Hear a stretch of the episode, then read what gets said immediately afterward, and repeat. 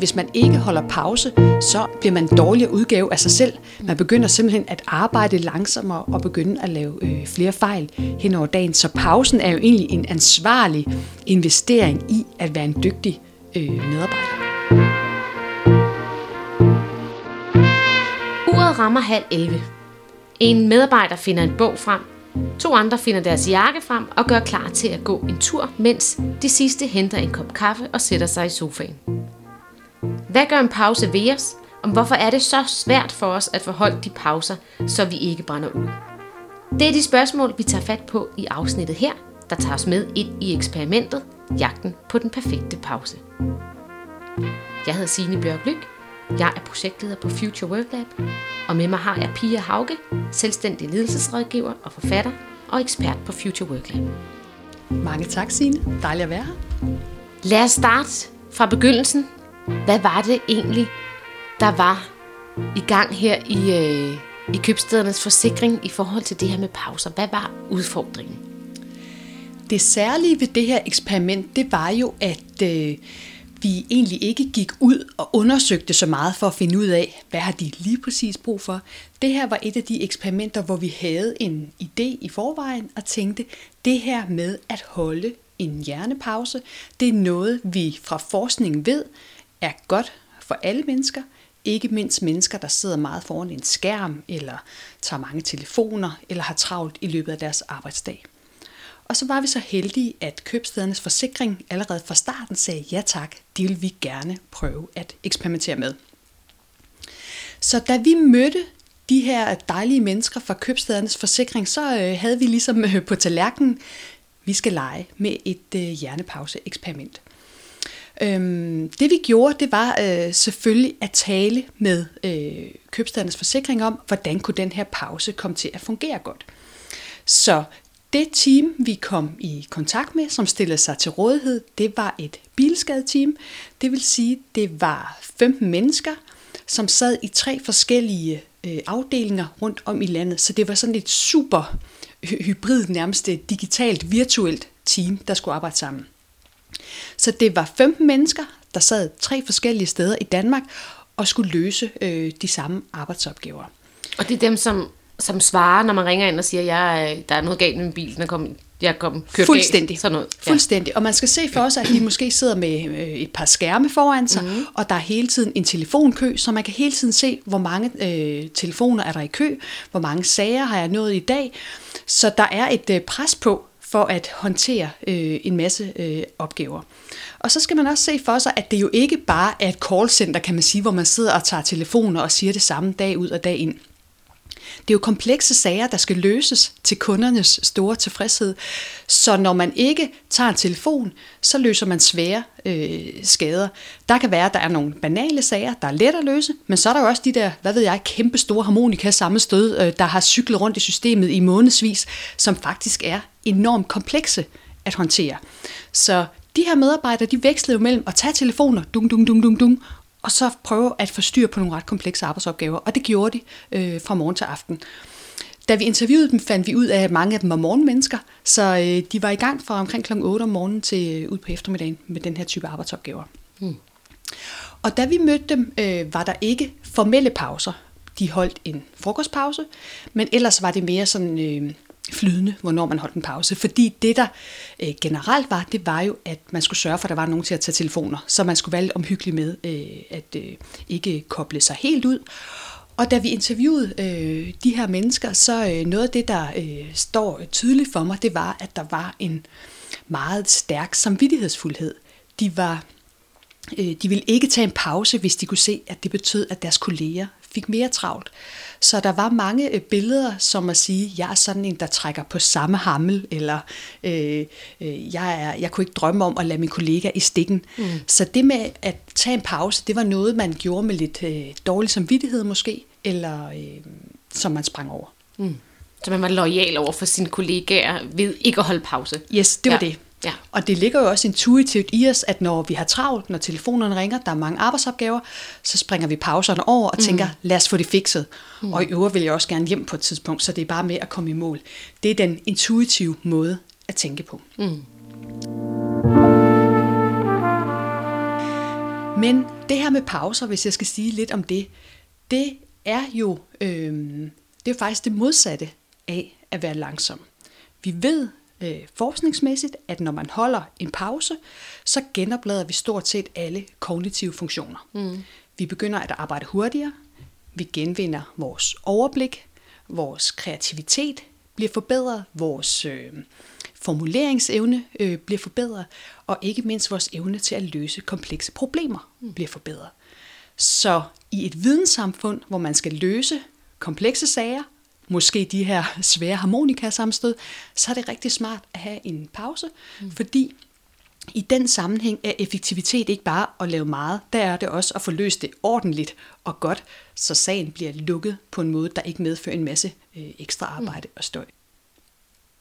Gælder det her med, at en pause styrker de kognitive færdigheder, gælder det for alle, eller er det kun dem, der sidder og har sådan noget arbejde, som dem du lige forklarede her?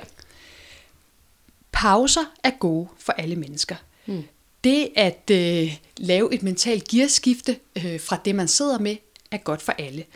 Men man kan sige, at der er nogle funktioner, hvor du hurtigere bliver udtrættet og har brug for flere pauser. Og det øh, overser man måske lidt i vidensarbejde. Vi husker det fra industrisamfundet, der var vi klar over, at man var nødt til at tage en pause for ikke at få ondt i ryggen og ondt i armene, når man stod og løftede tunge ting ved et samlebånd. Men det samme gør sig faktisk gældende øh, i vidensarbejde. Vi har alle sammen glæde af en pause. Det er sådan helt øh, fysiologisk, at vi øh, genoplader øh, kan man sige, vores tænkeevne, vores kognitive kapacitet. Men dem, der bliver hurtigt udtrættet, det er jo, hvis du sidder foran en skærm, fordi vores syn er en stor Øh, og øh, energikrævende sans at bruge. Så hvis du sidder meget foran en skærm, så bruger du meget energi på det. Hvis du skal lave øh, kompleks tænkearbejde, så bruger du mange kræfter. Og i øvrigt, hvis du sidder i støjende omgivelser, så bruger du også øh, mange kræfter, som du måske er, ikke er opmærksom på. Og det handler om, at en del af din øh, hjerne skal du bruge på at øh, holde forstyrrelser ude. Så hvis der er masser af mennesker, der taler i telefon eller støjer omkring dig, så bruger du faktisk mange kræfter på bare at holde det ude, så du kan koncentrere dig om din egen mm. øh, samtale. Så hvis du sidder i støjende omgivelser, øh, du skifter meget mellem øh, arbejdsopgaverne, altså forsøger at multitaske, sidder ved en skærm, laver noget komplekst, så har du brug for pauserne øh, hyppigere, end hvis du laver noget, der er mere rutinepræget i rolige omgivelser, kan man sige. Godt. Det var, der var noget teori omkring pauserne mm-hmm. øh, i det her. Hvad gjorde I sådan helt konkret i eksperimentet? Ja, det vi gjorde helt konkret, det var, vi sagde til de her øh, 15 mennesker var det, nu skal I holde en pause på 20 minutter hver eneste formiddag i 6 uger. Og i denne her pause, der, skulle de, øh, der opstillede vi nogle dogmer. For det første øh, måtte de ikke arbejde og så skulle pausen være skærmfri, og så skulle den vare 20 minutter. Øhm, og øh, det var en lille smule svært, øh, faktisk, øh, at finde ud af, hvad man skulle lave. Jeg plejer at sige, at nationalpausen i Danmark er, at man tager telefonen og går op til kaffemaskinen, og så står man og scroller lidt. Det er den lette måde at holde pause på. Så det her med, at, at vi satte dem fri til at sige, I må faktisk gøre lige hvad I vil. I må løse sudoku, I må tage en lur, I må gå en tur. Det var faktisk lidt svært at gøre i en øh, hverdag. Hvor det oplagt er, at man lige vender sig til kollega, øh, mod en kollega og tager en kop kaffe måske. Var det svært at finde på dem, eller var det svært at gøre det? Der var flere ting i det. Øh, jeg tror, at det, eller det var svært at gøre noget andet. Mm. Det, var, det var krævende at gøre noget andet mm. end det lette. Det, der ikke var svært i det her eksperiment, det var sådan set at få dem afholdt, fordi det var legitimeret. Det var simpelthen sat ind i kalenderen. En af udfordringerne inden, som jeg sagde, var, at man ikke synes, man kunne tillade sig at holde en pause. Men det problem havde vi jo løst ved at gøre det til det her eksperiment, så de skulle holde pausen. Og derudover havde vi øh, givet dem et interval på 30 minutter hver, så dem i Aalborg skulle holde pause fra 9.30 til 10, dem i Næstved fra 10 til 10.30 og så videre, så der altid var nogen på telefonerne. Så det var helt legitimt og faktisk et krav at skulle holde den her pause. Men det svære var at lave den gode pause. Og vi øh, kunne se øh, halvvejs i eksperimentet, at øh, de færreste valgte at gå ud og gå en tur. Og det øh, overraskede mig faktisk lidt, fordi da vi interviewede folk inden, øh, inden eksperimentet, sagde de stort set samstemmende, frisk luft, ja. det er lige noget for mig. Jeg skal ud og gå, jeg skal væk fra skærmen, jeg vil ikke have ondt i ryggen. Men da det kom til stykket, så var det letteste lige at hente en kop kaffe at sætte sig og snakke med en kollega. Men da vi så øh, opfordrede til det, eller mindede om, at man kunne gå ud, så var der mange, der benyttede sig af det øh, cirka midtvejs i eksperimentet.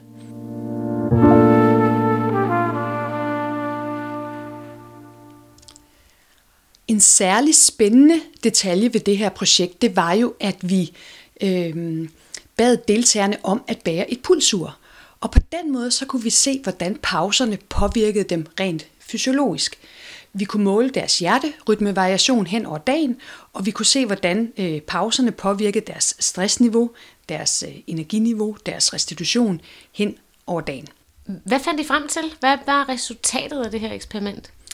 Vi fulgte op på resultaterne på to måder. For det første så interviewede vi samtlige medarbejdere efterfølgende og fik dem til at fortælle, hvordan de havde oplevet de her pauser, hvordan de oplevede, at det påvirkede deres opgaveløsning og deres energi. Det var den ene ting, og det synes jeg er enormt vigtigt, fordi øh, det betyder noget, hvordan folk de selv oplever det. Og derudover havde vi jo de her uger, som kunne måle på det fysiologiske. Mm. Hvis jeg skal starte med, hvordan deltagerne oplevede det, så vil jeg sige, at de var vilde med pauser. De synes, det var fedt at holde pauser, de fortalte, at det var blevet lettere at løse de svære arbejdsopgaver.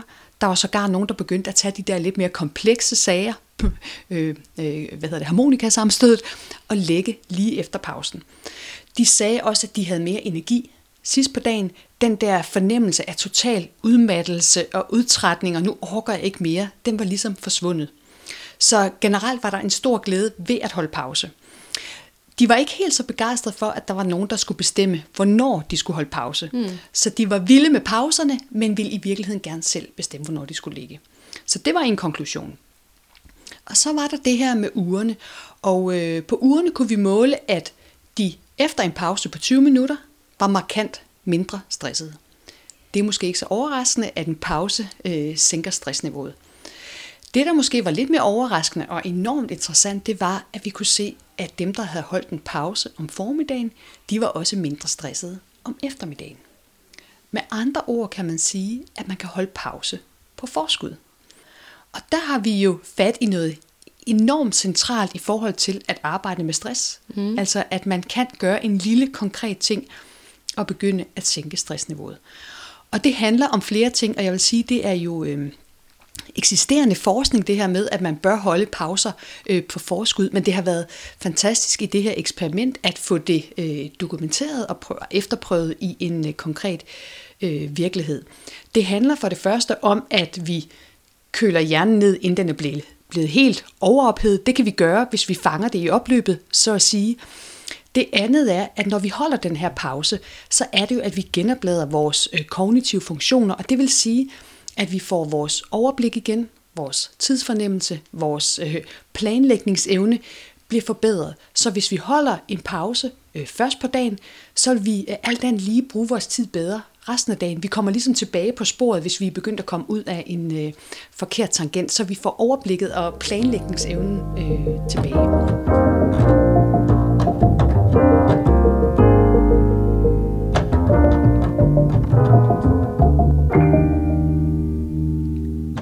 Var der nogle ting, de havde svært ved øh, i det her eksperiment, deltagerne?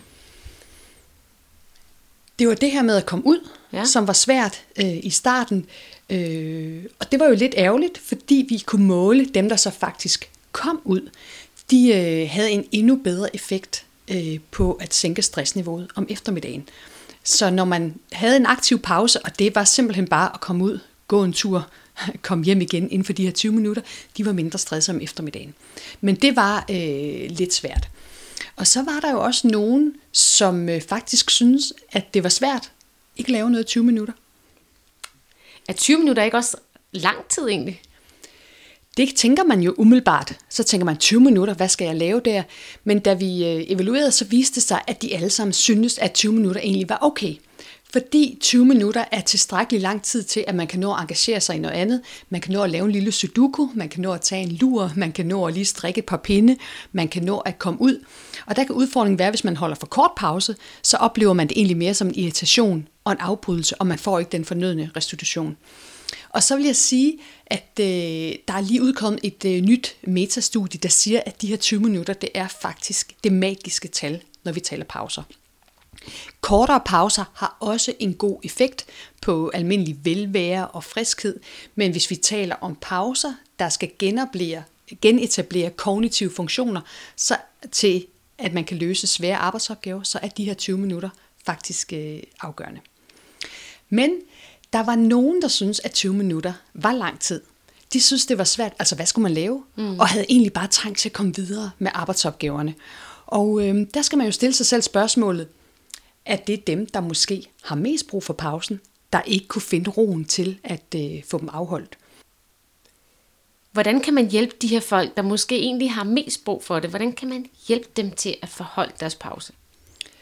Der tror jeg, man skal begynde at tænke frikvarter for voksne. En fælles strukturel pause er jo lettere for afholdt, end hvis det er op til den enkelte at finde ud af, hvornår har jeg lige lyst til det, og synes, at jeg kan være det bekendt over for mine ledere og mine kolleger. Så hvis, man, hvis der er mange, der har svært ved at få afholdt de her pauser, så vil jeg helt sikkert anbefale, at man eksperimenterer med en, øh, en fælles pausestruktur. Og der kan man jo lige tænke på, at... Øh, børn, de har brug for et frikvarter en gang i timen, og det er jo ikke noget, vi stopper med at have behov for, bare fordi vi bliver øh, voksne. Så det der frikvarter for voksne, det synes jeg, man skulle øh, give en tanke.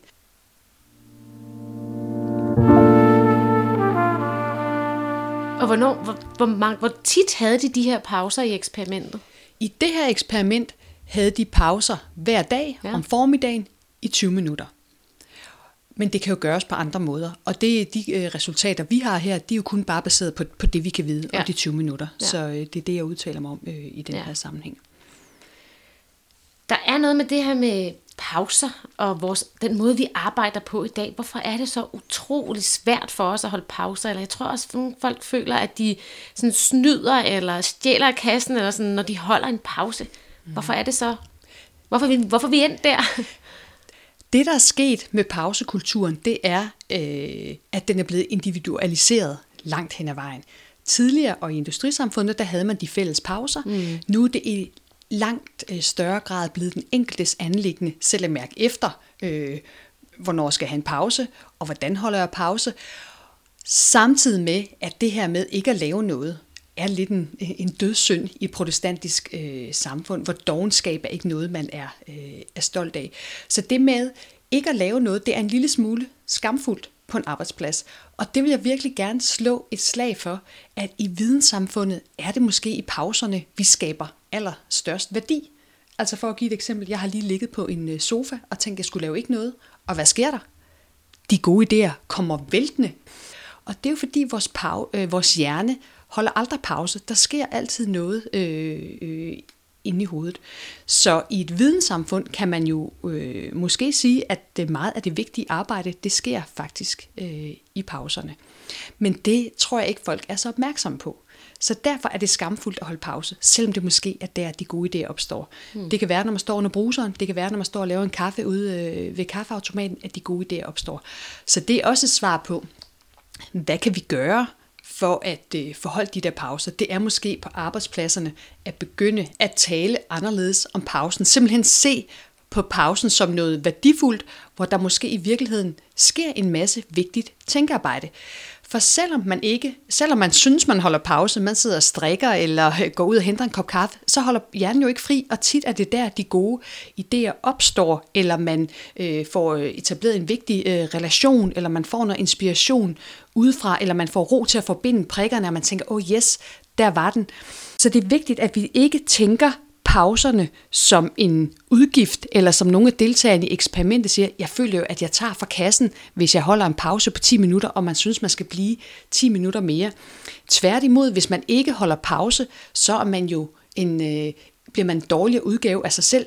Man begynder simpelthen at arbejde langsommere og begynde at lave øh, flere fejl hen over dagen. Så pausen er jo egentlig en ansvarlig investering i at være en dygtig øh, medarbejdere. Effektivitet er jo også at få lavet nogle gode øh, opgaver, mm. og øh, da vi spurgte øh, hos købstederne øh, i forlængelse af det her eksperiment, hvordan produktiviteten har været, var deres vurdering, at den har været på det samme øh, niveau, til trods for, at der var sket alt muligt andet i deres organisation. Så selvom et helt afdeling havde holdt 20 minutters pause om dagen, mm. var produktiviteten umiddelbart den samme. Øh, men samtidig med, at de oplevede, at de har fået øh, en bedre opgaveløsning og mere energi. Og der taler sådan et eksperiment jo også ind i noget med, at det, når man rekrutterer, når man fastholder arbejdsglæde, der er rigtig mange ting, som det her kan. Hmm.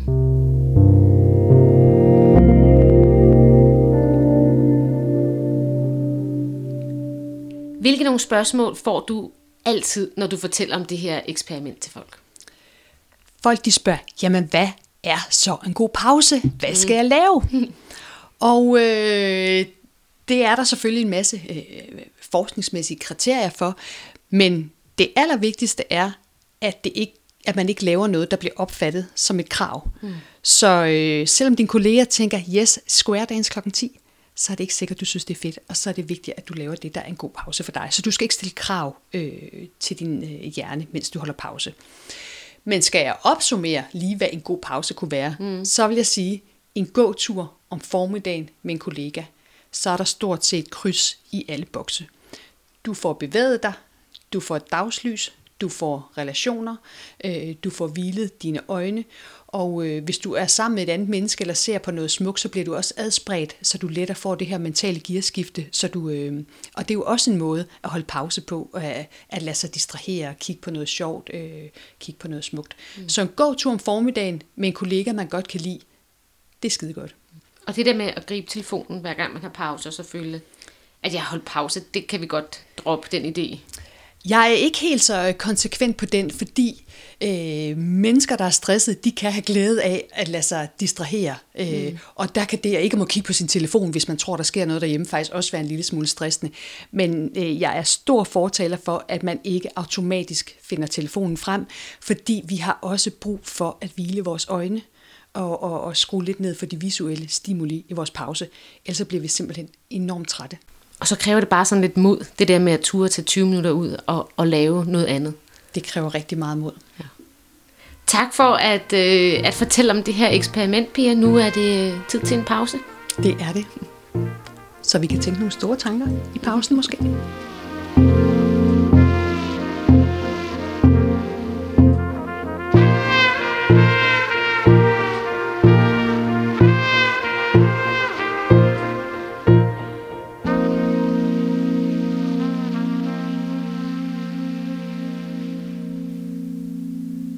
Future Work Lab er et projekt, der har til formål at skabe ny viden og nye redskaber til at styrke den mentale sundhed i fremtidens digitale arbejdsliv. Projektet er skabt af Finansforbundet, Forsikringsforbundet og Finanssektorens Arbejdsgiverforening og er sponsoreret af Vellivforeningen. Du kan hente mere viden og redskaber på projektets hjemmeside futureworklab.dk.